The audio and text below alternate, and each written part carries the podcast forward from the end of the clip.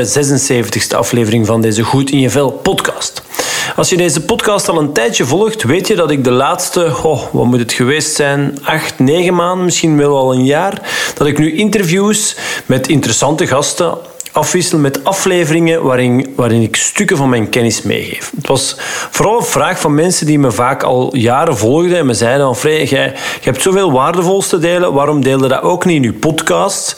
En dat was dus de reden waarom ik dus deze monologen ging afwisselen met de interviews.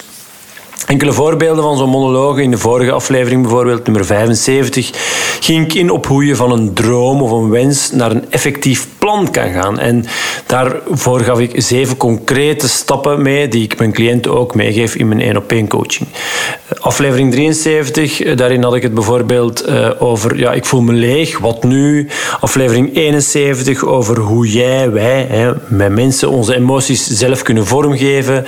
Eh, of aflevering 69 bijvoorbeeld over hoe jij concreet meer kan gaan doen van dat wat je echt wil. Het zijn maar enkele voorbeelden van dat soort monologen. Maar nu is het weer tijd voor een interview met een zeer boeiende persoon. Alleen al zijn functieomschrijving, als ik het zo mag noemen, is al intrigerend, vind ik. Bedrijfsfilosoof. Dit bij netwerkorganisatie Ethion. Deze is anders dan de VOCA's en de Uniso's in deze wereld, omdat ze meer uitgaan van mensgericht en waardegedreven ondernemen. Binnen Ethion hebben ze een denktank. Dat is een ja, samenbrengen van deskundigen, meestal op uiteenlopende gebieden, die dan bij elkaar komen om nieuwe ideeën te ontwikkelen of oplossingen te bedenken voor bepaalde problemen. Binnen Ethion bestaat die denktank uit twee filosofen, een econoom en een toekomstdenker slash geopolitiek expert.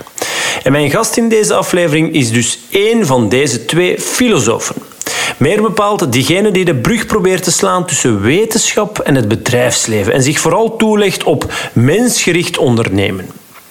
Hij schreef twee boeken in 2017 het eerste uh, over ethiek van techniek en robotisering, met als titel Robot aan het stuur. En recenter bracht hij een boek uit met als titel Check-in op zoek naar zin en betekenis in bedrijven.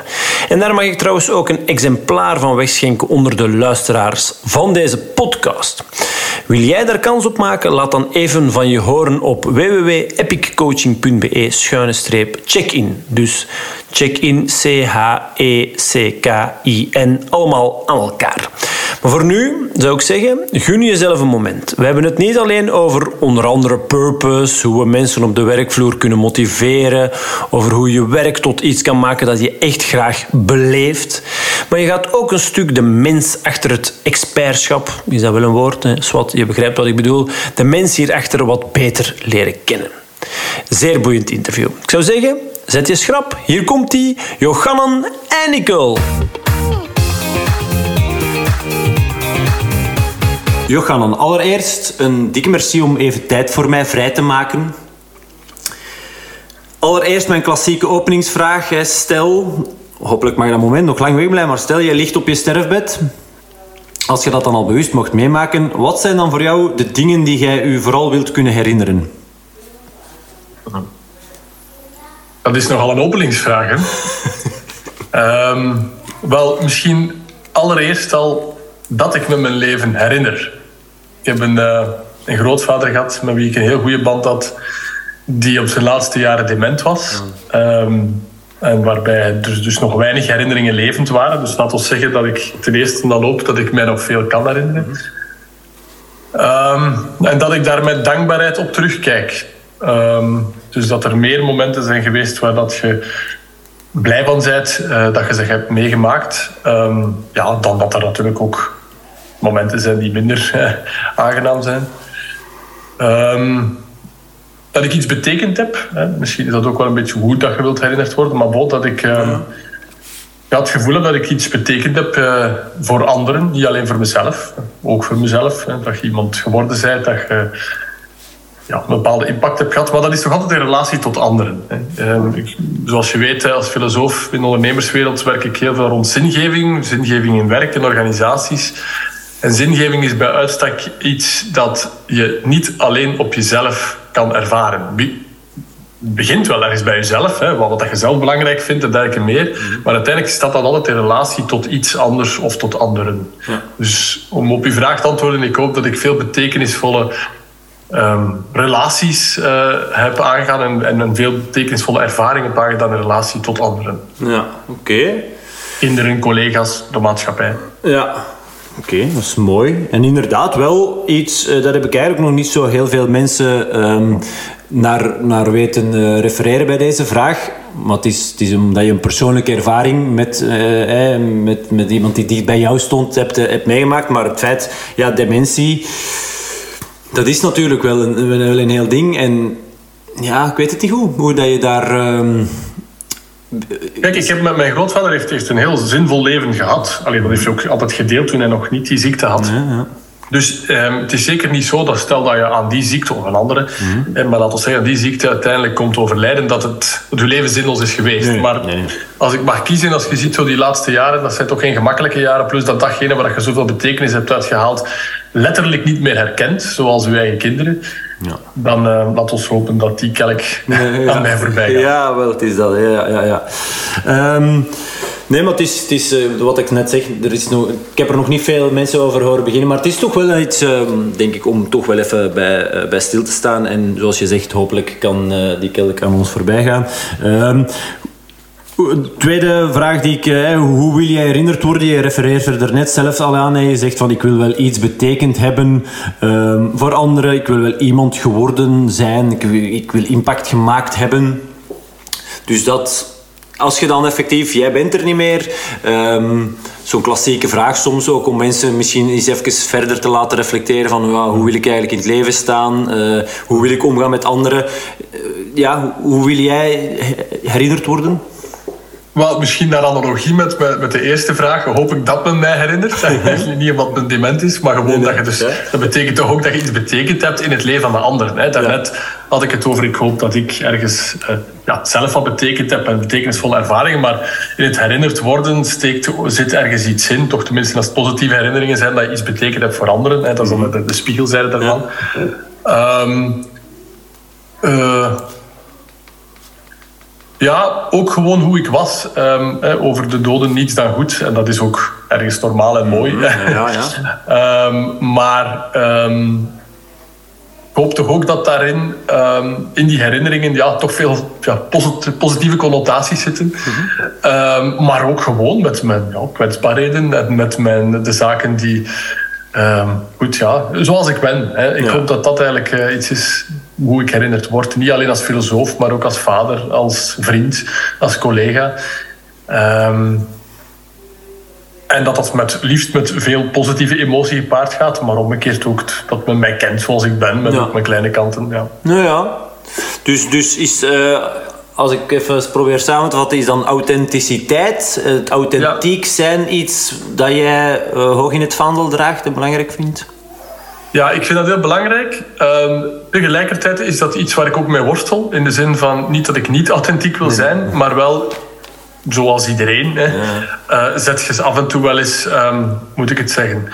Uh, doet je soms aan zelfcensuur om bij een groep te horen? Of doet je jezelf zeker ervoor dat je bent? Of, of, of of twijfelt je aan jezelf. Hè, uh, dat, ook dat durven laten zien in je kwetsbare kant is authentiek zijn. En daar heb ik al wel in een weg in afgelegd. Ik ben een filosoof, dat wil zeggen, ik ben veel met denkwerk bezig, maar de laatste jaren verdiep ik me toch meer en meer een beetje in de rol van psychologie, uh, gevoel, um, emotie in onder andere ondernemers, uh, in organisatiecontext. Mm-hmm. Um, en dat is ook iets waar ik in te leren heb. Dus als, ik, als het gaat over hoe wil ik herinnerd worden, dan hoop ik dat het niet alleen is omwille van mijn boeken of inzichten. Dat is een stuk van mij, maar ook gewoon dat ik iemand ben die speels kan zijn, die, mm-hmm. die is graag uh, met vrienden uh, op stap gaat. En dat, dat, zullen ze ook wel weten. Maar ja, de, de, het volle zelf, de volle yoga. Niet alleen het kennen, maar ook wie is die persoon, alleen die mens als persoon. Ja, en dat brengt me eigenlijk naadloos bij. Uh, meestal mijn, mijn, derde vraag. Hè. Wie is dan de persoon die ik mag interviewen? In dit geval, wie is Johanan Einikel? Ook zo'n vraag. Oh, ja, vele aspecten natuurlijk, verschillende rollen die je in je leven inneemt. Ehm, je hebt de professionele kant, je hebt zeker een, een privékant, um, zonder daar te ver op in te gaan. Maar goed, toch, je, je geeft aan, je bent vader, dat, dat is toch ook een deel van jouw identiteit. Dus ja, ik weet het niet, wie ben jij? Ja. Waar zal ik beginnen? Hè? Uh, want dat is natuurlijk een, een die vraag evolueert even lang als uw leven zelf natuurlijk. Ja. Ook de zoektocht daarnaar. Mm -hmm. Maar om al gewoon de feitelijke informatie te geven waar je niet te veel over moet twijfelen. Ik ben, uh, ik ben 42 jaar. Um, ik heb, um, laten we zeggen, na mijn middelbaar heb ik uh, filosofie gedaan. Allee, niet laat ik zeggen, na mijn middelbaar heb ik filosofie gedaan. Um, vanuit een, een, behoefte aan kennis en interesse. Mm -hmm. Um, en na die vier jaar heb ik altijd gezegd van kijk, ik ben dan vier jaar bezig geweest uh, met vragen stellen. Maar dan wou ik ook leren antwoord geven. En dan heb ik eigenlijk uh, een master uh, audiovisuele journalistiek gedaan. Radio- en tv-journalistiek. Het was eerst ook mijn ambitie om daar um, ja, professioneel in uh, aan de slag te gaan. Ik ben dan ook toneel beginnen doen. Eigenlijk veel meer met het, laten we zeggen, een beetje niet alleen nadenken achter de schermen, maar ook voor de schermen iets kunnen vertellen. Mm. En ik vind beide, ik ben nu over mijn professionele zelf bezig. Ja. Ik vind beide eigenlijk wel terug in wat ik doe. Dus ik werk als bedrijfsfilosoof in de denktank van Ethion. Um, Ethion is een ondernemersorganisatie, ja, die jij ook wel kent, ja. uh, met een sterke focus op ethisch waardegedreven ondernemerschap. Dus waar eigenlijk al wel wat raakvlakken zijn tussen het filosofische domein en het uh, economische speelveld. Mm -hmm. En ik, op dat raakvlak doe ik onderzoek, schrijf ik, spreek ik. Dus uh, ik vind dat ik eigenlijk een, een, job heb gevonden die heel goed bij me past. um, ook een beetje vanuit die twee behoeften. Ik wil mij verdiepen in fundamentele vragen, maar ik wil het ook kunnen uitleggen. En niet zoals een beetje de cliché-filosoof vanuit de Ivoren Toren wollige taal, nee. in wollige taal dingen uitlegt. Hè. Um, bon, dus dat is een beetje mijn, mijn, um, mijn professionele context. Hè. Een brugfunctie tussen het academische, het, het, wetenschappelijke en de ondernemerswereld op vlak van ethiek en economie, filosofie en economie. Mm -hmm. Maar ik ben ook vader van drie kinderen. Uh, die allemaal net op uh, allez, lagere school, de oudste, eerste, tweede middelbaar. Mm -hmm. um, ja, wie ben ik nog? Misschien, misschien iets dat uh, een beetje mij, mij ook als filosoof typeert is. Ik zeg wel eens dat ik aangetrokken ben door twee heel tegengestelde Griekse goden. -huh. En de eerste, dat is Apollo. En Apollo, Frederik, die moet jij zeker kennen, want dat is de god van, um, ja, eigenlijk van het sportieve, van uh, het lichaam, van de discipline.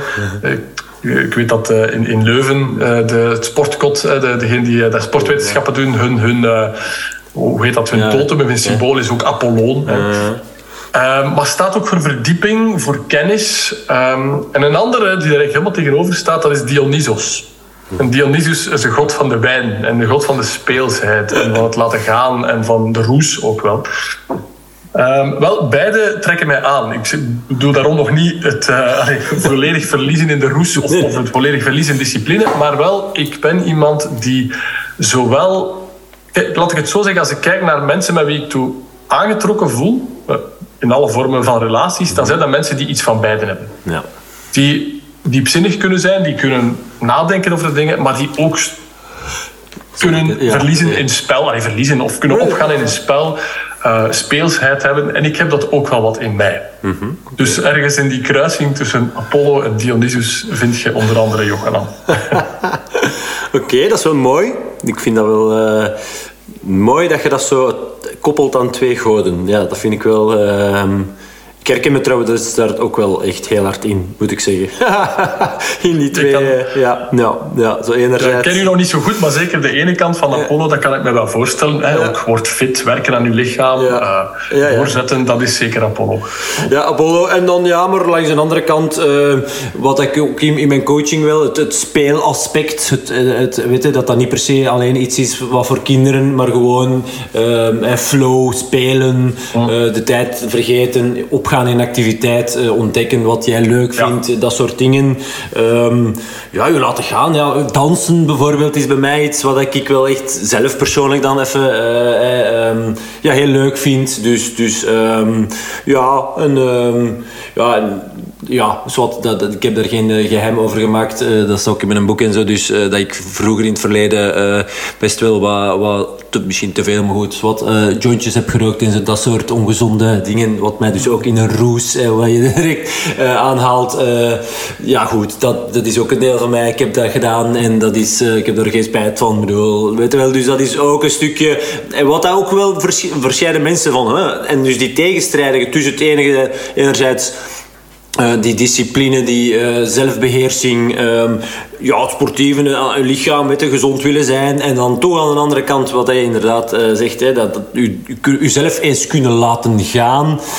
dan merk ik zeg, het is wel echt heel herkenbaar. Dus ik denk dat we daar op dat gebied wel... ja, en je kunt ja, in beide kanten doorschieten. Ja. Wat ik ook al wel heb meegemaakt. um, maar in beide zit ook echt een waarde. Hè? Want als je ehm, eh, oké, als je bijvoorbeeld Dionysius met de roes, ja, dat kan in complete verslavingsproblematiek terechtkomen.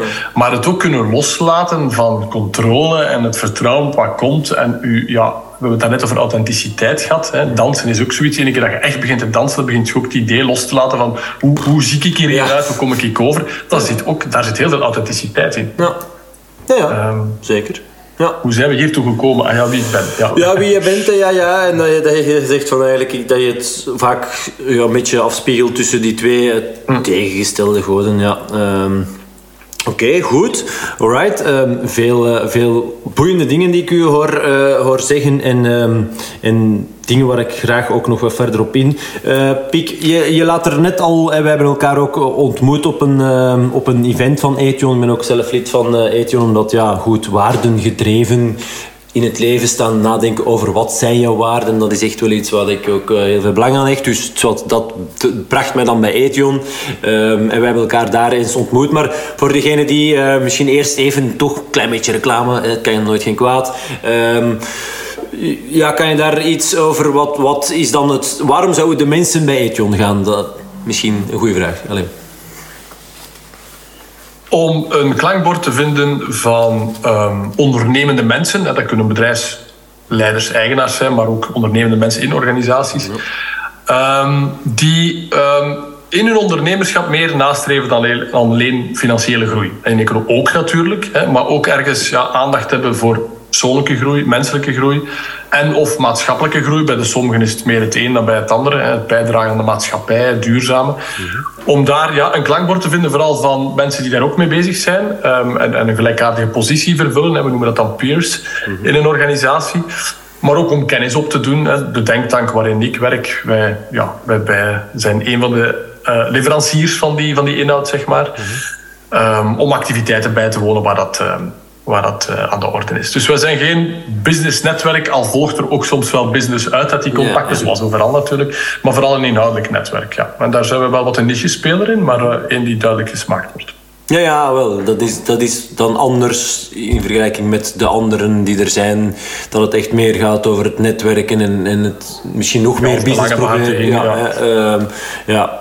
En dat is iets wat dat mij ook inderdaad aanspreekt en blijkt uh, ook bij vele anderen. Ja. Um, en dan, ja, je gaf het er net aan, hè. je probeert een beetje de, de brug te vormen tussen enerzijds de wetenschap en het, en het bedrijfsleven.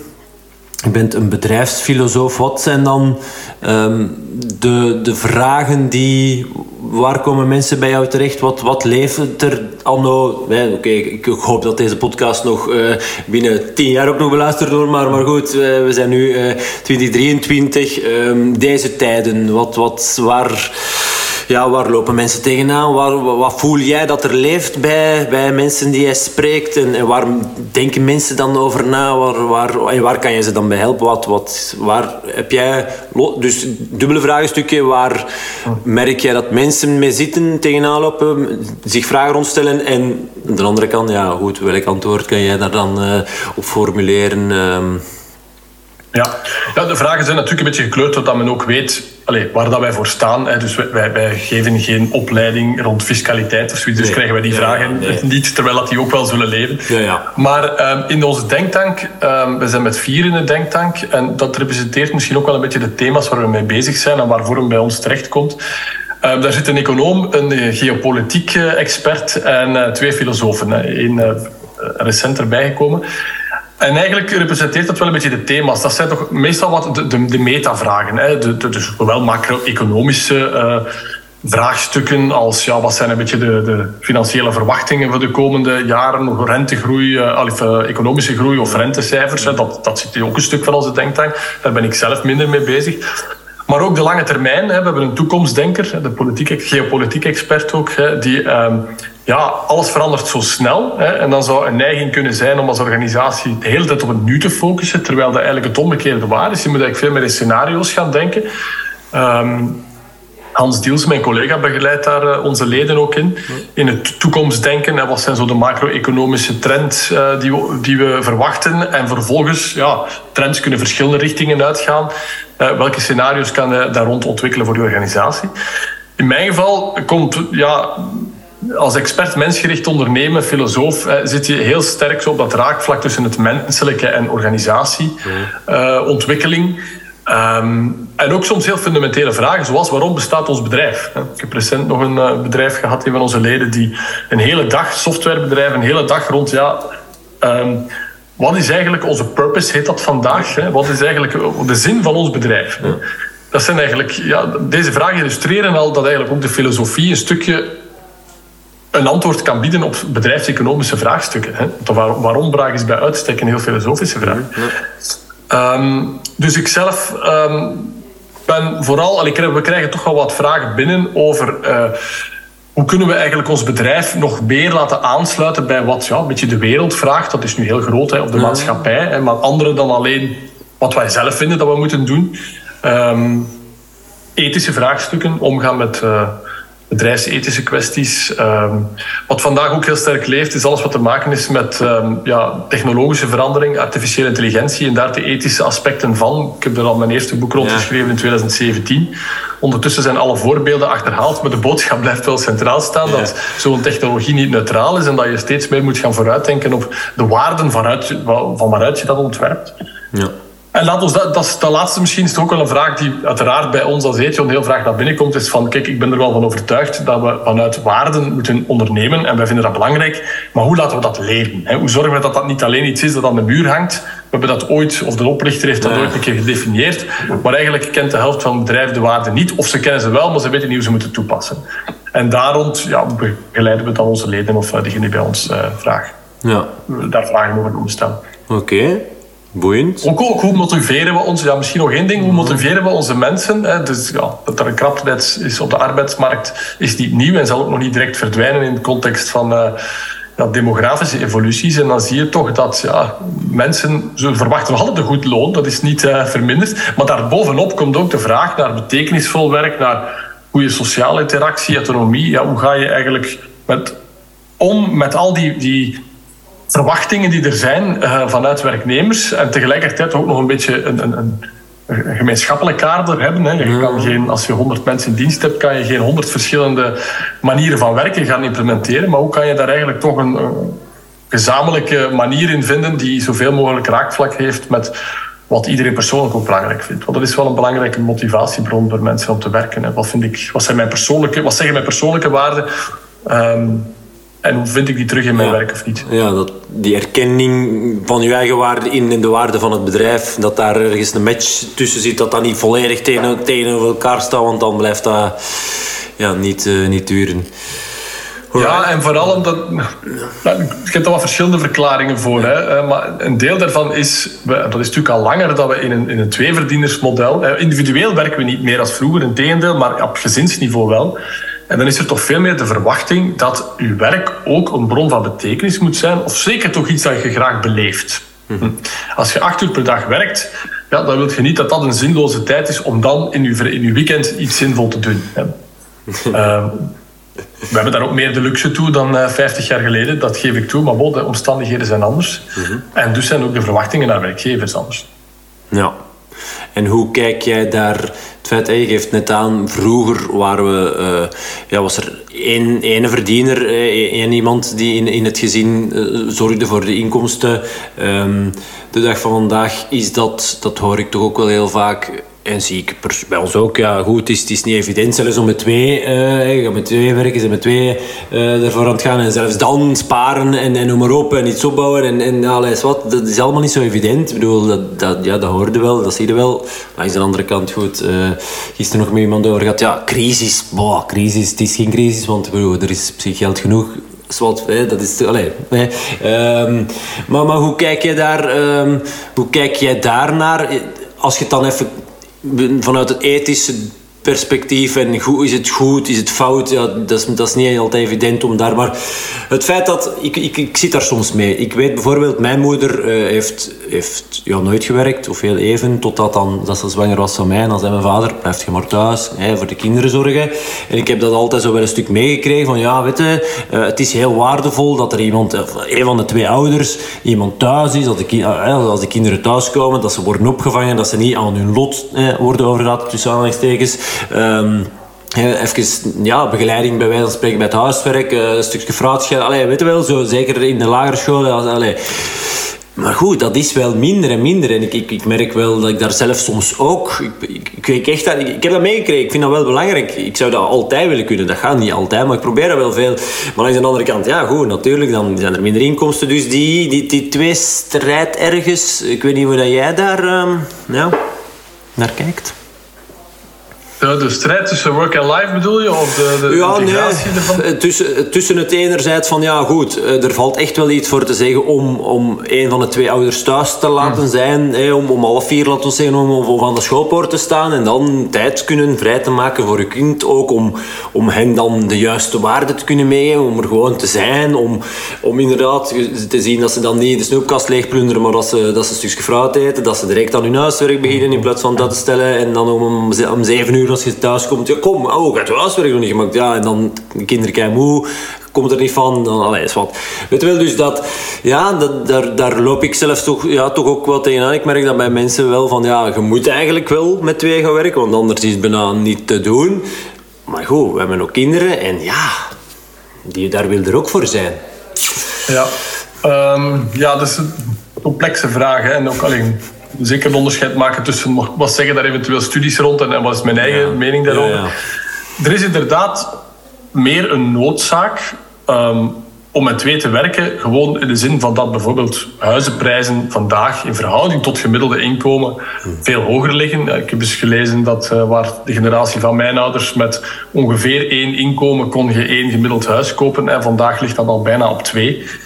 Um, dus dat betekent wel inderdaad dat er ergens een noodzaak is um, ja, om meer te werken. Anderzijds vind ik het ook goed dat um, werk niet meer alleen benaderd wordt als een noodzaak, een instrumentele reden om een inkomen te genereren en dat veel meer werk in vergelijking met vroeger daar ook, of, of, werkgevers, daar proberen op in te spelen. Dus het is een goed, je ontwikkelt u ook via uw werk. Hmm. Heel veel onderzoek toont ook aan dat mensen die niet werken, gemiddeld genomen minder gelukkig zijn, tenminste op beroepsactieve leeftijd. Ik heb het nu niet over gepensioneerden of studenten, maar op uh, beroepsactieve leeftijd. Uh, zelfs wat gezonder zijn, meer bewegen. Dus er zit een waarde in werk die ook de moeite is, los van het feit dat je ook dat inkomen nodig hebt. Um, Tegelijkertijd ja, ontstaat dan de druk, dat is dan de keerzijde. Hè. Als je heel veel werkt, komen dan andere dingen onder druk. Persoonlijk denk ik, maar je moet daar misschien mee oppassen, eh, om het te veralgemenen, maar dat we vandaag toch veel meer mogelijkheden hebben om, laten we zeggen, een beetje de regisseur te zijn in wat besteed ik aan werktijd, wat besteed ik aan anderen, dan opnieuw weer generaties terug. Alleen al maar het telewerken, eh, de vrijheid die je hebt, dat is niet voor overal. En zeker in, laten we zeggen, de meer precaire jobs is dat nog anders. Maar in vergelijking algemeen tot 50 jaar geleden waren er zowel de precaire als minder precaire jobs vereisten toch vooral gezet op kantoor en liefst zo lang mogelijk. Dus ik denk toch wel dat we maatschappelijk wel al een serieuze beweging hebben ingezet waarin het meer mogelijk is om ook te kiezen. Ik kijk, nu kies ik voor mijn kinderen of nu kies ik eens om uh, twee uur niet te werken en ik zal dat s'avonds wel inhalen. Um, je ziet ook in studies over wat kiezen we in werk.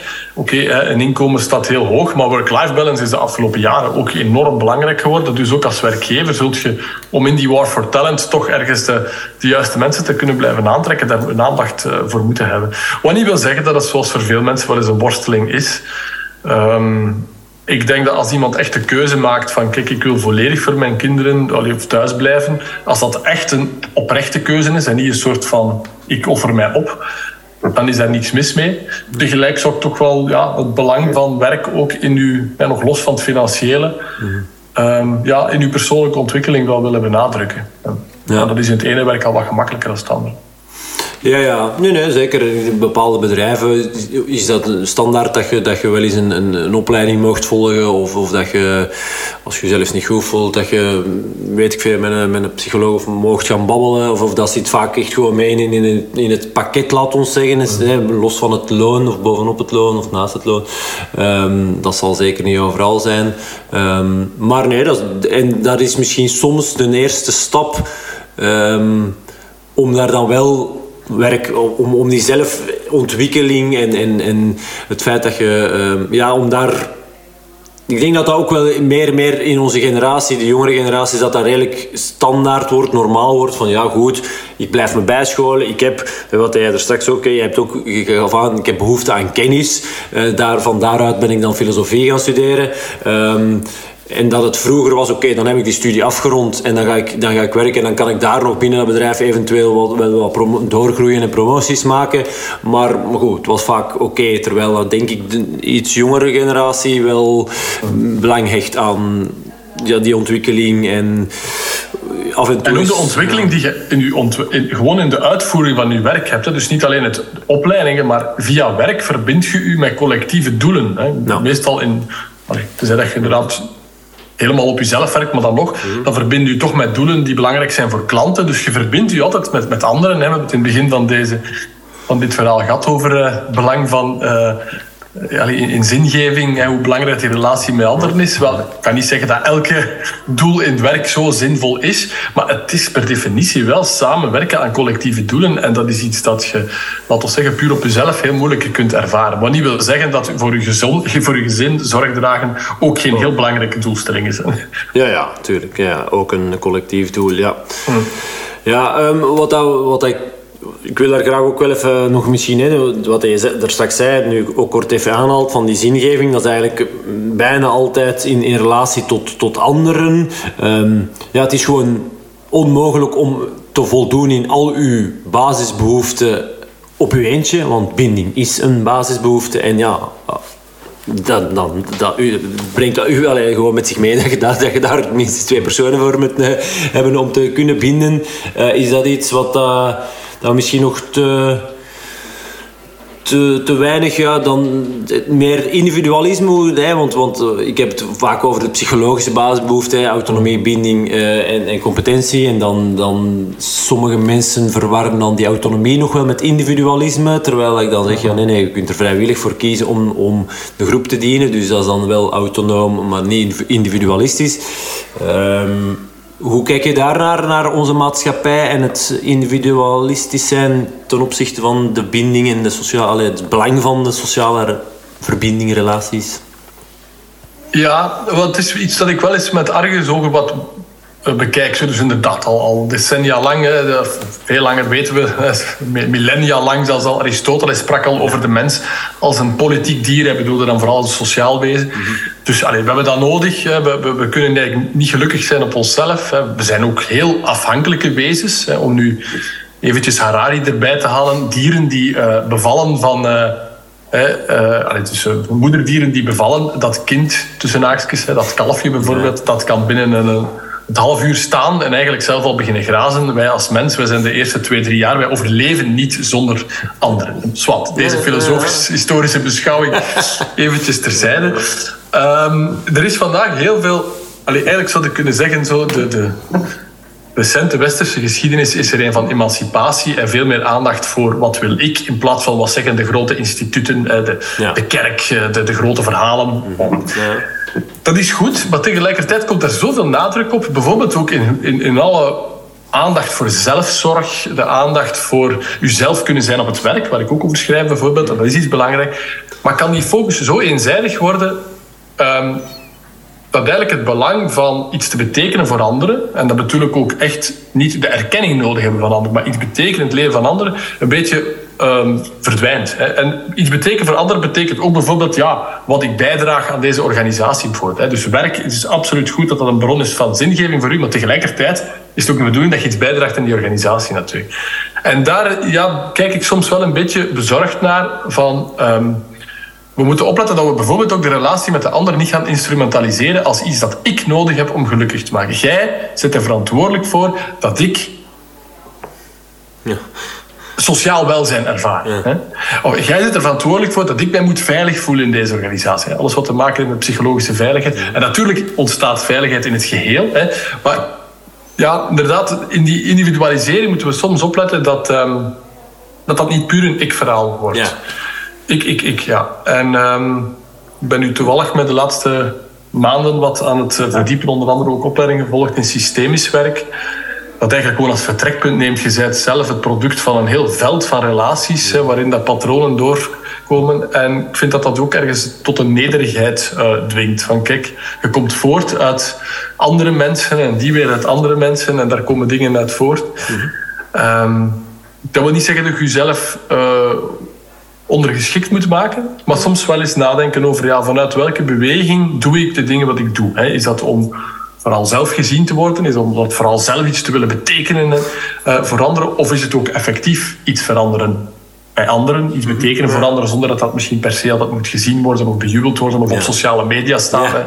heeft daar ook een grote rol in. Nou ja. Misschien een beetje een lang antwoord op uw vraag. Nee, nee, nee, maar dat is heel boeiend. Het zijn inderdaad dingen dat waar ik zelf ook wel zo, ja, dat, dat universalisme, dat je, dat je beseft dat je een, een deel bent van een groter geheel, dat je, ja, weet je, um, ja, ook een deel van de natuur bent gewoon, dat je, dat je nou ja, als mens en dat, dat je ja, maar een klein ja, nietig, de periode hier op aarde, je zei, het is maar kort, het is kort en, en zelfs dan... Uh, ja, en, en, het universum, ja, goed, de aarde, klein dingetje. Dus het is allemaal om, om wat dat, ik volg je er wel in. Als ik, ik, ik en jij het centrum van de, de, de wereld, dat, het, uh, dat dat vaak niet zo positief uh, ja, gevolgen heeft. Ik denk dat, dat we moeten durven ja, meer focussen op, uh, wat, op de groepen, op wat willen de anderen en wat kan ik bijdragen om anderen. en dan dat je daar ook weer al wel terug dingen van terugkrijgt. Hè, dat dat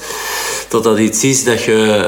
Um, ja, en kan ik ook voldoening vinden in het onderdeel zijn van een geheel. Het voorbeeldje van.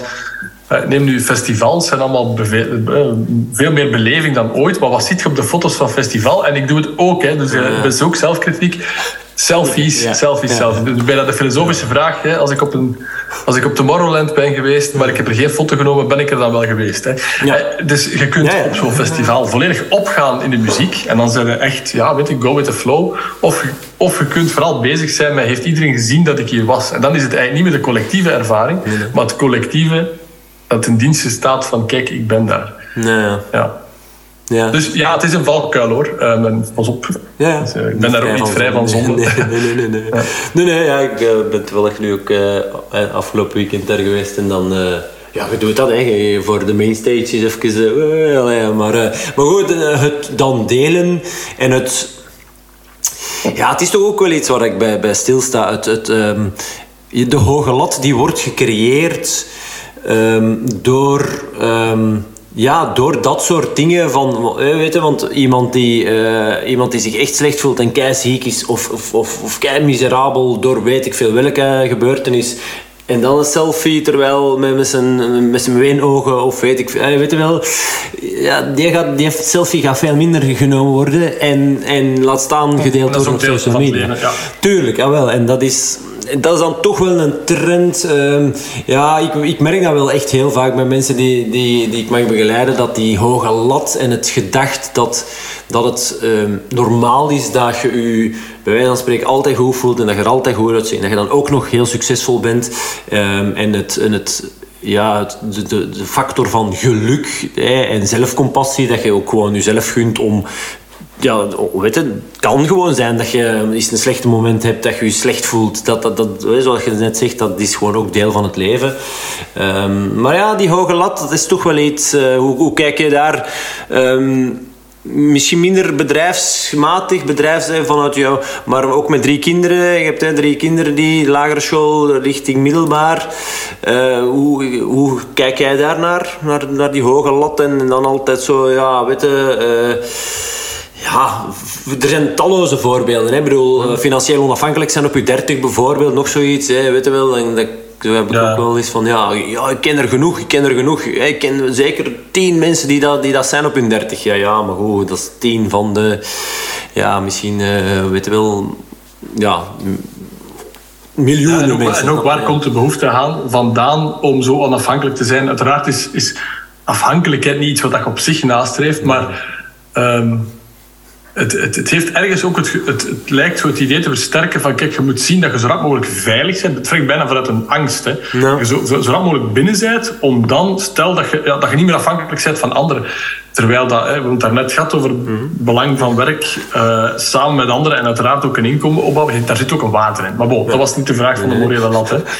Um, ja, ik, ik, ik, denk dat op zich allee, is niet nieuw dat je in je jeugd, je kindertijd trouwens ook als volwassene, je vergelijkt met anderen. Mm. Um, dat je daar voorbeelden ziet die je wilt nastreven. Reclame bestaat al lang en dergelijke meer. Alleen is die schaal veel groter geworden met uh, sociale media, het internet. Het bestaat natuurlijk al lang, maar toch. Ik in mijn, uh, als ik 12 jaar was, uh, waren er geen YouTube-filmpjes waarin dat wat influencers mij nog dan eens bepaalde producten proberen te ver en dan merk ik wel, zeker bij mijn oudste, die nogal vaak blijkbaar ondertussen het algoritme heeft hem ergens gevonden in alles wat te maken heeft met luxe en mensen inderdaad die op zo'n korte tijd zoveel miljoenen hebben verzameld.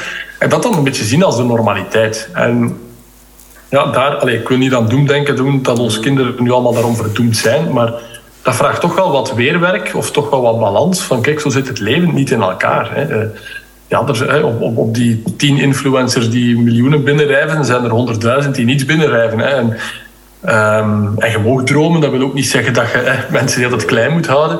Maar um, ja, ik, dat is wel iets dat die schaal is zo groot geworden. Hè. De wereld komt zo binnen, ook, ook goede dingen, hè, ook positieve voorbeelden, komen binnen via die schermen. Um, die wij niet hadden. Hè. Of, to, of tenminste, maar, dat was er maar één scherm. Terwijl nu uh, wordt er helemaal... Ja, dus dat is wel iets waar ik ook wel wat uh, zorgen rond baar. Um, ja, ook de vergelijkingen op sociale media, zeker bij meisjes is dat, ja. leeft dat heel sterk. Bij jongens ook, maar ja, wordt bij meisjes nog meer. Hè, rond lichaamscultuur en dergelijke. Um, ik denk dat de beweging of de dynamiek daarin niet nieuw is. Vergelijken met anderen, mooi zijn, populair zijn. Dat was bij ons ook. Maar de vergelijkingsschaal is zoveel groter geworden. En natuurlijk, ja, als je alleen maar vergelijkt met, de, laten we nu zeggen, de mooiste mensen ter wereld, ja. ligt de lat zeer hoog dan dat ene mooie meisje of ene mooie jongen in je klas. Ah, wel, het is dat. Ja, ja. Vroeger, hè, weet je, ervan uitgaan dat je 150 mensen uh, zien, allez, relaties had. Uh, zo, dat, dat, wordt ook vaak ingesteld. Uh, ja, goed, en dat was dan één iemand die inderdaad er perfect uitzag tussen aanhalingstekens, maar zich ook altijd goed voelde, altijd goed gezind was en, en ook nog eens heel succesvol, altijd goede punten, altijd, allee, weet je wel, dan wist je wel van oké, goed, dat is 1 op 150, stel dat je nog 1000 mensen kent, oké, dat is 1 op 1000, weet je, dat is een uitzondering. Maar goed, juist inderdaad, door dat wat je zegt ook, het is, je kunt zo gemakkelijk vergelijken met zoveel mensen. Um, ja, is die, wat ik heel vaak zeg, die uitzondering de norm geworden. En dat is toch wel, uh, ja. ja. wel iets... Um, ja, en ook gewoon het feit dat je dag en nacht, weet je, eh, vroeger, ja, er was één scherm, maar uh, tussen, ja, tussen 7 en 10 was er een uitzending. En voor de rest was er niet echt een optie om om, om drie uur of om half negen morgens de tv op te zetten. En dan nog, alleen weet je wel, nee. Dus, dus uh, en hoe, hoe um, als we dat dan, dat brengt me een beetje naadloos bij het, um, is misschien niet volledig uw, uw ding waar je vaak over, maar ik ben wel benieuwd hoe je daar dan naar kijkt, over het um, ontprikkelen en het um, ja, is even uh, de natuur opzoeken of is gewoon eens niks doen, u vervelen, nog zoiets bijvoorbeeld. Iets mooi vind ik wel, u, kunnen vervelen, omdat dat dan ook weer al creativiteit en zo met zich meebrengt en noem maar op. Uh, hoe kijk je daar? Wat zijn een beetje twee tegenstrijdige gedachten die oppoppen. Aan de ene kant Ehm, of als je het over dat laatste hebt, dan zie je dat de technologie het u net soms heel moeilijk maakt. Zeker kinderen, maar ik betrap mezelf er ook op om u nog te vervelen. Mhm. Alleen al een toiletbezoek ja. kun je een hele film bekijken, bij wijze van spreken. Allee, je hebt dan altijd iets om u niet te vervelen. Hè. Ehm, en, ehm, en ook allerlei prikkels en uh, meldingen die maken dat je toch telkens, telkens weer afgeleid bent of in ieder geval nu niet aan het vervelen bent. Uh, aan de andere kant is dat je wel ziet dat zaken die eigenlijk, ik ga het nu even de analoge zaken in het leven noemen, het niet-digitale, mhm. nog nooit zo populair geweest zijn als, allez, als sinds heel lang. De, de, jeugdbewegingen, er zijn wachtlijsten voor. De, de, de pottenbakcursussen, de nature walks en wat is het allemaal. Dus ik denk dat we ergens ook meer nog het analoge leven, de waarde daarvan beginnen inzien door het contrast met het digitale. Ja. Uh, Steven van Bellegem, de, de marketing-expert, noemt dat ook. Wat, wat schaars wordt, wordt meer waardevol. Dat is niet alleen van hem, maar hij past dat ook toe op het onder andere, denk ik, zelfs op het niet-digitale. Mhm. Ehm, en daar zit wel iets in. Um, dus ik heb het al gezegd, ik wil niet te negatief zijn over technologische verandering. Soms laat het ons zelfs zien wat, wat het leven de moeite waard maakt buiten dat digitale. Maar dat vraagt dan ook wel dat we ja, een beetje Apollo gebruiken, een beetje discipline hebben om af en toe de gsm weg te leggen. En ook ja, van ontwerpers, dat is een beetje waar ik nogal mee bezig ben met technologieethiek. Ja, dat, uh, dat er ook wel een verantwoordelijkheid ligt bij de bedrijven die dat ontwerpen. Om, ja, wat willen wij? Dat mensen non-stop uh, onze onze YouTube-filmpjes bekijken of, of dat ze af en toe de beste content hebben, dat ze daar op zoek naar gaan. Um, er spelen commerciële logica's in mee natuurlijk. Je hebt er ook een stukje regelgeving die daar ook uh, een, een, een, rol in speelt. Dan gaat het dan meer over de echte uitwassen. Mm -hmm. uh, maar dat maakt het ook moeilijk. Um, dus het is een dubbel antwoord. Ja. Ik zie dat... het is zeker niet zo dat we het leven buiten digitaal niet meer omarmen, maar nee. het digitale is soms zo dominant aanwezig dat we het vergeten. Of dat het ons afleidt van... Nee. Ja. Dus bewust proberen toch aandacht en voor jezelf misschien ook eens nadenken. Want ik, ik, merk dat ook, dat veel mensen dat voor zichzelf niet goed meer weten. Hè? Wat dat ze dan buiten het digitale, gewoon het fysieke, wat, wat ze eigenlijk leuk vinden. Een puzzel maken of, of, of inderdaad ja, potten bakken of, of, of, of een canvas en, en een schilderij, schilderij. Weet ik veel, maakt niet uit. Weet, en niet per se ook weer al niet om daar goed in te worden, om daar succesvol, om daar weer aan, te gaan verdienen of. Maar gewoon het ermee bezig zijn. Zo, weet? Maar dat dat wel een ontdekkingstocht Dus ik denk, naar mijn aanvoeling, dat toch wel een, een, waardevol gegeven om daar... Um, ja, om eens terug te gaan bijvoorbeeld naar uw jeugd. Van, bij mij is dat een stom voorbeeld, maar zo um, een bal en een muur. Weet je wel, meer heb ik op zich niet nodig om gewoon even terug klein Frederikske te zijn, die, die op zijn 7, 8 jaar thuis in, in al haar, weet je wel, stond de balken tegen de muur te trappen. En, en weet je wel, gewoon terug dat kind zijn, dat spelen, gewoon in het moment zien dat je die bal goed raakt, dat je die kunt controleren, terug goed raakt. Hup, tik, tik, tik, goed, allee, dat hè. Um, voor mij is dat een evidentie, maar dan merk ik toch wel dat veel mensen daar... Um, ja, ja, ook op zich begeleiding kunnen bij gebruiken van, van, die, van die vragen dan. Hè. Als ik die vragen dan ga stellen, want dat doen een coach, ja, vragen stellen om, om hetgeen wat in hun al zit, om het dat er laten uit te komen. Ja, om dan, uh, dus ik denk dat dat wel waarde in zit, om daar misschien uh, voor mensen daar eens bij stil te staan. Van wat is dat dan wat mij beetje inderdaad in tijd kan. Dat kan ook koken zijn. Ik heb ook bijvoorbeeld eens iemand uh, gehad die, begon dan ineens te koken. En goed, dat daagt je competentie uit. Je kunt, je kunt een resultaat, uh, iets, iets op, op een bord toveren. Dat is dan, dan uh, als het dan nog gesmaakt wordt, dan krijg je ook waardering daarvoor en zo. Dus dat zijn wel dingen. Um, ja, het is gewoon moeilijk om, als je, als, als je het misschien nooit zelf hebt gedaan, jij of de luisteraar, ja, ik weet niet, prei of, of een ajaan of een wortel of weet ik veel, in kleine stukjes aan het snijden bent, om dan daarnaast nog met andere dingen in je hoofd bezig te zijn. Want gewoon, dan, met, dan snijden je je vinger, snap je? Dus dat is... Um, dus dat ja, om focustijd te hebben, hè, noemen ze dat ook. Uh, en, en, inderdaad, soms kan het helpen om eens ook met begeleiding een keer met een helikopter, vanuit een helikopter zicht naar te kijken. Um, maar het vraagt ook wel echt dat je het andere een beetje kunt afzetten. En net zoals bij de prei, die je, om die goed te snijden, moet je de rest wat kunnen afzetten. Ja, is het ook, ook, soms letterlijk je gsm wegleggen. Of datgene wat eigenlijk voortdurend je, uw, um, hoe moet ik het zeggen? Uh, u, eigenlijk uw verveling opzij duwt. Hè? Mm -hmm, ja. Doordat we effectief een keer kijken, maar we willen nu werk echt. Ja. Terwijl nu gaan de, de schermen, de prikkels u zoveel in beslag nemen dat je soms te weinig die, een keer bewust gaat stilstaan bij letterlijk stilstaan van ja, wat wil ik nu eigenlijk echt in het leven. En, Ja.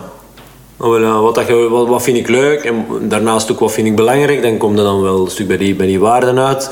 Bij dat leuk misschien meer over activiteiten en doelen. En, en, ehm, ja.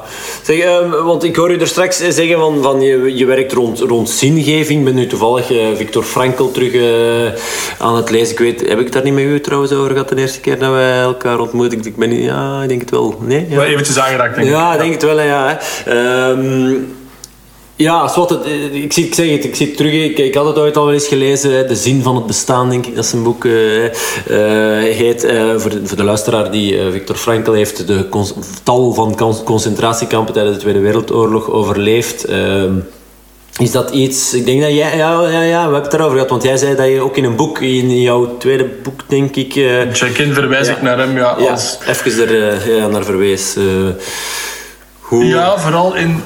ja, hij heeft onder andere vastgesteld in die concentratiekampen van wie, wie overleefde eigenlijk die kampen. Dat waren mensen die op twee manieren geluk hadden. Eh, De eerste, dat was wel de belangrijkste natuurlijk, is ja, puur de chance of malchance dat je niet werd vermoord of neergeschoten of vergast. Eh, je fysieke eh, sterkte ook. Maar het andere, die nog een bron van levensgeluk tussen grote aanhalingstekens voor ogen konden houden. Zoals, kijk, ik wil hier blijven overleven om mijn kinderen te kunnen terug te zien, om, om mijn doctoraat af te maken. Dat was bij hem zelf zo een levensdoel. Eigenlijk een levensdoel als een, een, een waarom om in leven te blijven. Niet vanuit een naïef idee van ik ga dat hier wel overleven. Hè. Maar eerder van dat is voor mij een reden om te willen in leven blijven. Dat dat wel wat onderscheidend was van degenen die dan dus ja, psychologisch net iets sterker stonden om, om effectief eh, te overleven. En ehm, ja, ik verwijs er naar in mijn boek Check-in. Ten eerste om te laten zien hoe zelfs zingeving in de meest precaire omstandigheden gewoon het verschil kan maken tussen leven en dood. Maar ook hoe, en dat, dat is een beetje de koppeling met, met organisaties. Je ziet dat vandaag heel veel organisaties een, een, ook een soort eh, levenszin, is misschien een beetje een groot woord, maar toch een, een hoger doel formuleren waarin dat ze hun, hun economische activiteiten gaan inbetten. Hè. De term purpose valt dan eh, eh, vaak. Hè. On, iets, iets dat je on purpose doet, is iets dat je doet met een bepaalde bedoeling. En ik wil bedrijven niet vergelijken met concentratiekampen, hopelijk niet. Hè. Maar je ziet wel dat ook daar, hè, ook in studies naar men motiveert mensen in werk, het ergens kunnen bijdragen aan een hogere doelstelling. Op de lange termijn kan zelfs dingen die vandaag soms wat eentonig lijken of niet altijd even plezant zijn, toch ook zinvol maken. Ja. En, ehm, en eh, ja, vandaar dan eigenlijk de link tussen de, de zoals Victor Frankl die eh, uitlegt, en nog veel verder eh, op ingaat in zijn boeken.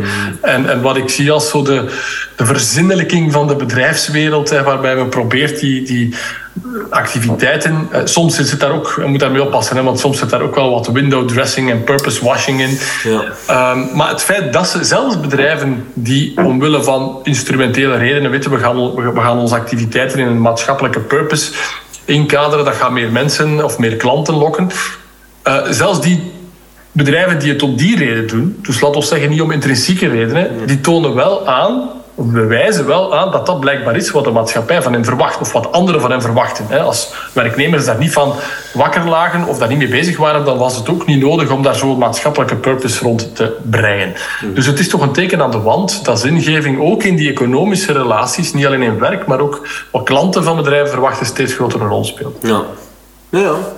Ja, ja ik, ik, ik toevallig gisteren nog met iemand eh, over gehad over het feit van... Hey, ik, ik werk heel hard rond wat ik er net al even kort aanhaalde van wat vindt een persoon leuk en wat vindt de persoon belangrijk. En wat dat je leuk vindt, ja, dan moet je geen, geen zin meer geven. Dat heeft zin, dat doe je gewoon, want je vindt het leuk. Ehm, maar als het niet per se leuk is, maar wel belangrijk, ja goed, dan moet je dat wel zin geven. Dan is dat stukje vrijwillig lijden met de lange ei. Ehm, Dat is een mooie, hè? ja, dus dat is een stukje eh, inderdaad eh, dat je, ja goed, het is gewoon belangrijk. En, en wat jij er net zei, hè, dat, dat je ook al is het saai misschien, of, of, maar het draagt wel bij tot iets, een groter doel en iets wat belangrijk is. Dus dat is zoiets dat, ehm, ja, dat, dat, dat, dat- ook dat, dat zie ik vaak zoals je dat dan mee afkomt van vrijwillig leid. Bijvoorbeeld, het kan ook gewoon iets in, in, in het sporten, hè, als we dan naar Apollo gaan, eh Turken gaan lopen. Ja, ik probeer dat drie keer per week te doen. Vind ik het altijd leuk? Ja, nee, maar goed, ik vind het wel belangrijk. En dan is dat soms ook gewoon bewust vrijwillig kiezen om even te lijden, even af te zien en, en, en het toch maar te doen om gewoon bij mij is dat dan, en we zijn redelijk laat ouder, uh, mama en papa geworden.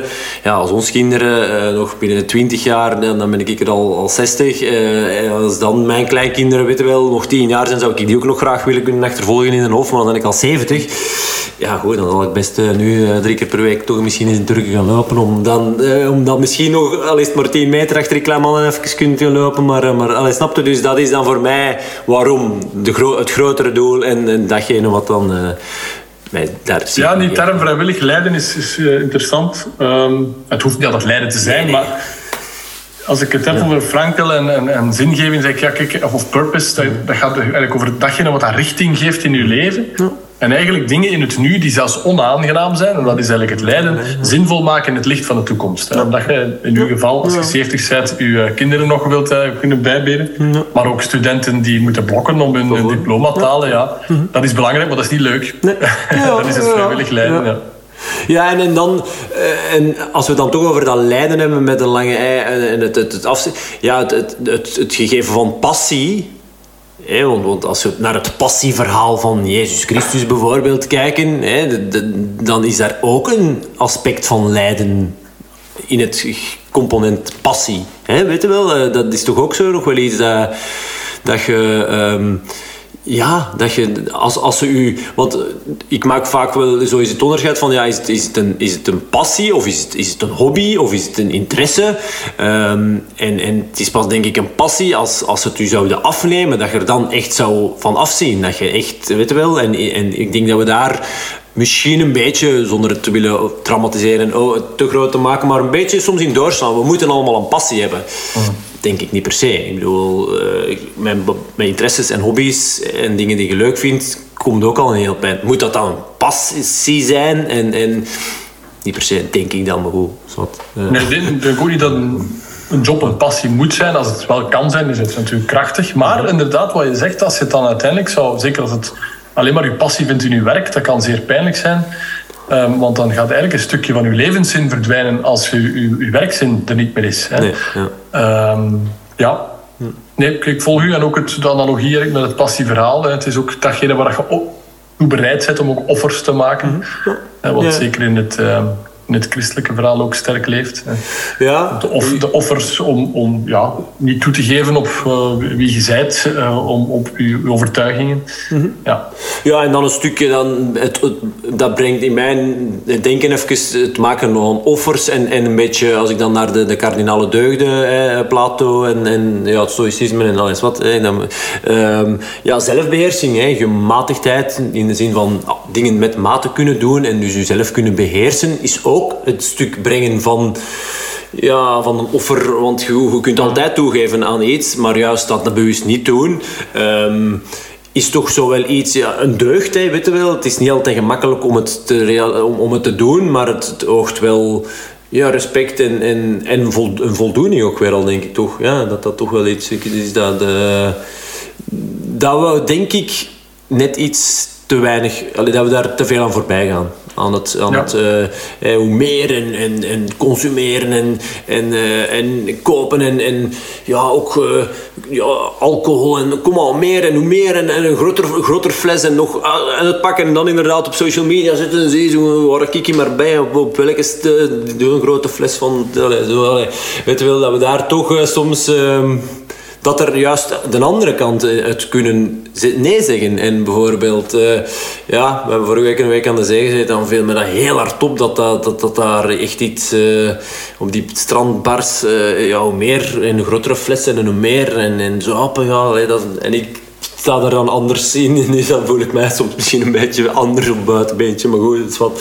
Ja, maar gematigdheid is inderdaad niet gemakkelijk in een heel hyperactieve altijd overal uh, online wereld waarin alles getoond wordt. Uh, tegelijk ook weer denk ik dat er in vergelijking met vroeger al minder gedronken wordt of minder meer mensen nee zeggen of toch uh, ook tegen vlees bijvoorbeeld, maar dat is al om mm, andere redenen dan vroeger. Maar het is wel waar, gematigdheid in uh, excessiviteit, het is niet zo gemakkelijk. Hè. Nee, nee. En als we dan uh, hero, hedonistisch leven, jezelf verwennen en, en genieten van het leven. ja, ja dat is een beetje Dionysus dat je er straks je laten gaan en toch ook het loslaten qua qua controle daar dacht ik al direct ook weer uh, stoïcijns, amorfati, het, het, loslaten van datgene waar je geen controle over hebt. Maar goed, wat, dat is dan misschien ook... Maar, maar um, is dat dan... Ja, goed. Ik, ik, kijk, ik kijk altijd vanuit het perspectief van de waardeset van Schwartz. Schwartz, ja, Shalom Schwartz, ik weet niet. En, de, um, die die, en dan, dan is ja, hedonisme helemaal een andere kant van, van traditie. Uh, ja, een stukje veiligheid daar. Um, maar stimulatie, hedonisme, um, dat dat... Oh, ja, ik zeg, ik zeg, niet per se dat dat, weet je, want we hebben allemaal, ze zijn eigenlijk op zich, al die waarden zijn ook neutraal. Ze zijn niet per se, hè, je hebt ze allemaal in u, heel die cirkel, dat is 100% Johannen of Frederik of, of, of Marieke of, of, of, uh, of Joseph, uh, weten we, maakt, maar, maar, ja, dat heroïsme en, en doorslaan en uh, die YOLO, je, je, leeft maar één keer en we pakken maar zoveel als we kunnen en zo. Ja, ik, ik vind het opmerkelijk ik vind het wel... Jij zegt dat het al beter is, dat we, dat er, jij merkt daar precies al een trend, dat we er al precies over zijn? Ja? Nee, nee, ik, ik spreek niet over, we zijn erover of wat dan ook, maar... Um, trends, in, in, trends ontstaan ook altijd tegentrends. En, uh, of, en die daarom niet even krachtig zijn. Maar um, dat, allee, het YOLO-leven, uh, dat is er absoluut. Hè. Maar bijvoorbeeld het aantal mensen dat bewust kiest om bijvoorbeeld geen alcohol te drinken, los van dat ik nu zeg dat dat beter is of niet, nee, voor de gezondheid zal het zeker beter zijn, is, is het, vroeger was dat nog veel meer genormaliseerd. Hè. Roken bijvoorbeeld, hè. dat al vandaag bijna een paar jaar als je nog rookt. Dus um, allee, er bestaan, het is niet zo dat... Um, ik denk dat aan de ene kant meer mensen bewust bezig zijn, bijvoorbeeld met gezondheid en hoe wil ik leven. Maar aan de andere kant dat daar waar men, de verleidingen groot zijn om daar minder bewust mee bezig te zijn, dat die um, invloeden des te krachtiger zijn. Hè? Omwille van de redenen die we al genoemd hadden. Sociale media, belevingseconomie, alles moet een beleving zijn. En door dingen te beleven, zijt je iemand. We hebben ook een koppeling met identiteit. Ja. Um, en die trend is zeker nog altijd ook heel dominant. Dus uh, ik zeg zeker niet van daar zijn we voorbij. Maar nee, nee, je ziet ook het omgekeerde. Of mensen die digitaal ja, ja, we gaan uh, digital detox, ja. En, de, de tegenbeweging ja, een beetje, ja. ja. Ja, maar dat zullen inderdaad altijd wel gehad hebben, veronderstel ik. Hè. Ja, dat, als je dan naar de geschiedenis gaat kijken, zal het altijd wel... Er, zal altijd, er komt altijd reactie. Hè. En ik denk dat we daar... Alcohol in het verkeer bijvoorbeeld, bijvoorbeeld dat ja, nog altijd, maar dat is vele malen minder dan de tijden van, onze, van de vorige generaties. Dat heeft ook een beetje te maken natuurlijk met bewustwording. En, uh, maar goed, het bestaat nog altijd en er wordt nog altijd gedronken. Hè, ja. ja, ja en, en ook daar dan ja, weer al de rol van de social media. Ik heb er over laatst toevallig nog een gesprek met iemand over gehad. Van, ja, denk, die persoon zei van, ja, uh, denkt u nu echt dat er vroeger, dat de politiekers uh, minder, uh, minder ja, uitstaken vroeger, dingen, hè, nu komt dat dan in het nieuws en dat, dat, dat online en dat, dat blijft dan, ja, je kunt dat blijven binnen ja, vijf jaar kun je nog altijd opzoeken. Die politieker heeft dat mispeuderd en daar en Terwijl vroeger zal het dan eens even in één dag in de krant gestaan hebben en de, week nadien waren, waren de mensen dat vergeten. Uh, en als je de krant niet had gelezen, of, allez, weet je wel. Dus ja, dat is van alle tijden, hè, denk ik dan wel, dat mensen... Uh, ja, ook ergens, uh, ik weet het niet goed. Ja, ik ben benieuwd hoe jij daar als filosoof naar kijkt. Um, het, het opzoeken van het randje en het, hetgene wat dan niet mag, dat dat dan zo spannend is en, en daardoor juist aantrekkelijk wordt ook. Ja, ja, dat is absoluut van alle tijden, denk ik. Hè. Eh, maar we hebben nu al even verschillende onderwerpen in dit gesprek wel zo wat de rol van ja, technologie, maar het is misschien ook dat individualisering, waarbij dat je via technologie ook toont wat dat je doet en presenteert wat je doet, betekent eigenlijk dat je met enige zin voor overdrijving eigenlijk telkens in het aangezicht van heel de wereld handelt, precies. Hè. Dus al dus wat dat je doet, zeker als je er wat aan meedoet, wordt gedocumenteerd, wordt getoond. En zeker dan bij bekende mensen of politici ja, hmm. gaan media dergelijke mee daar nog meer op springen. Stond vroeger ook, maar vandaag is er nog meer beeldmateriaal. nog meer citaten die teruggevonden worden. En dan is, um, ja, dan ontstaat er soms een, een, een, idee dat het vandaag allemaal veel erger is. Terwijl het op objectief vlak, hè, wat denkers die daar rond al hebben uh, onderzoek naar gedaan, vaak het omgekeerde waar is. Hè. Dat er, er is minder misdaad dan voorheen, maar het lijkt meer omdat iedereen wel ergens zijn inbraak in zijn buurt kan uh, op sociale media zetten. Alleen nog eens, stel lijkt nu allemaal zo'n heel negatief verhaal. Sociale media en internet heeft ook heel veel dingen versterkt, maar zowel het goede als het slechte. En ik denk dat als het gaat over individualisering en, en um, het, uh, ja, het verspreiden van nieuws, negatief nieuws, um, ook positief, ja, dat het alleen maar versterkt wordt. Mm -hmm. En uh, dan hangt het een beetje af van onze kritische ja, mediawijsheid om daarmee om te gaan. Um, of we die al dan niet hebben. En bijvoorbeeld kinderen hebben die per definitie veel minder dan volwassenen. En, uh, ja. Dat maakt het uh, soms een beetje beangstigend. Ja, oké. Okay. Goed, uh, ik weet niet hoe lang dat we ondertussen al uh, bezig zijn. Ik heb het gevoel dat we uh, nog heel lang zouden kunnen, kunnen doorgaan. We zijn toch al een, een uur aan de, aan de, aan de, aan de babbel. dus ehm, zijn er nog dingen, ik zeg het nogmaals, ik, ik heb tal van dingen. Ik heb hier ook nog dingen opgeschreven en, en waar we nog niet aan toe zijn gekomen.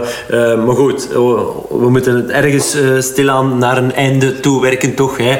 Ehm, zijn er nog dingen ehm, die ik u jou niet gevraagd heb en die, um, waarvan dat je zegt, oh wel, maar daar, uh, dat is toch nog iets vrij waar ik uh, vaak over denk, over schrijf um, of, of iets wat ik toch nog wil delen, gewoon überhaupt, maakt niet uit. Uh, de... Waar gaan denken? Um, nee, ja, je kunt wel van alles vragen, maar um, ja. nee. Ik denk dat we de dingen wat gehad hebben. Mm -hmm. ja. Dus, uh, nee, uh, boeiend. Nee. Ik denk dat het wel het laatste. We hebben misschien wat veel gehad over sociale media en dergelijke meer. Dat is nu niet meer nee, we hoeven dat nogmaals. Ik denk dat we dat uh, vaak uh, genoeg benoemd hebben. Dat het, uh, ja. ja. dat het niet per se slecht is. Hè. Weet je, er zijn zeker het feit dat je... Hoe leuk is het om met mensen die je ooit in het middelbaar samen in de klas hebt gezeten, dat je af en toe gewoon nog eens de foto's in verschijnen. Oh, die horen, oh, die zit daar. Of, weet je wel, of connecteren met mensen. de verbinding ergens ah. ook wel toch, die, daar, daar is, dus, dus ik denk dat dat wel, uh, nee, nee, dat we dat duidelijk genoeg hebben gesteld dat het uh, niet per se een, een slecht nieuwsverhaal was dat we wilden brengen, zeker niet. Hè. Uh, nee. nee, dus inderdaad eigenlijk die universele behoefte aan verbinding die je ook maakt, dat is uiteindelijk wat ze ook digitale verbinding probeert te doen. En dat we die zo omarmen. Ja, ja, ik ben verbonden met die persoon of met dat festival of daar. Ja.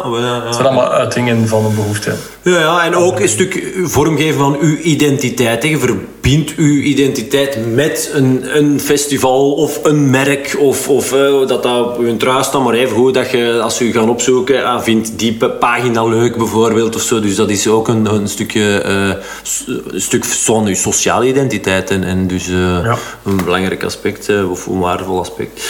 Alright, nee, goed. Um, ja, dan uh, als je niet direct nog iets uh, wil delen met de mensheid, dan, uh, dan wil ik u vooral heel hard bedanken voor, voor jouw tijd en voor de interessante inzichten. En, dus merci, Johanan. Graag gedaan, Frederik. Ziezo, dat was hij weer al. Ik ben benieuwd wat jij ervan vond. Laat maar even van je horen. Vind ik altijd leuk om van de luisteraars van deze podcast te horen. Bijvoorbeeld via een persoonlijk berichtje op Instagram. Dat is makkelijk communiceren, vind ik persoonlijk.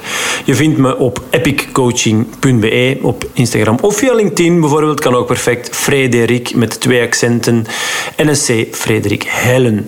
En zoals in de intro al gezegd, je kan Johannans boek ook winnen als je even van je laat horen via www.epiccoaching.be schuine streep check-in. Meer dan de moeite waard. Voor nu ongelooflijk hard bedankt om tot hier te luisteren. Wil jij geen enkele aflevering van deze podcast missen, dan zou ik zeggen, abonneer je dan even op dit podcastkanaal. Dan krijg je automatisch een melding als ik een nieuwe aflevering online zet. Vergeet vooral niet de leiding over je eigen leven te nemen, zodat jij op je sterfbed geen spijt hoeft te hebben van dingen die je wel of niet deed. Te veel of te weinig. Goed, graag tot snel. Bye.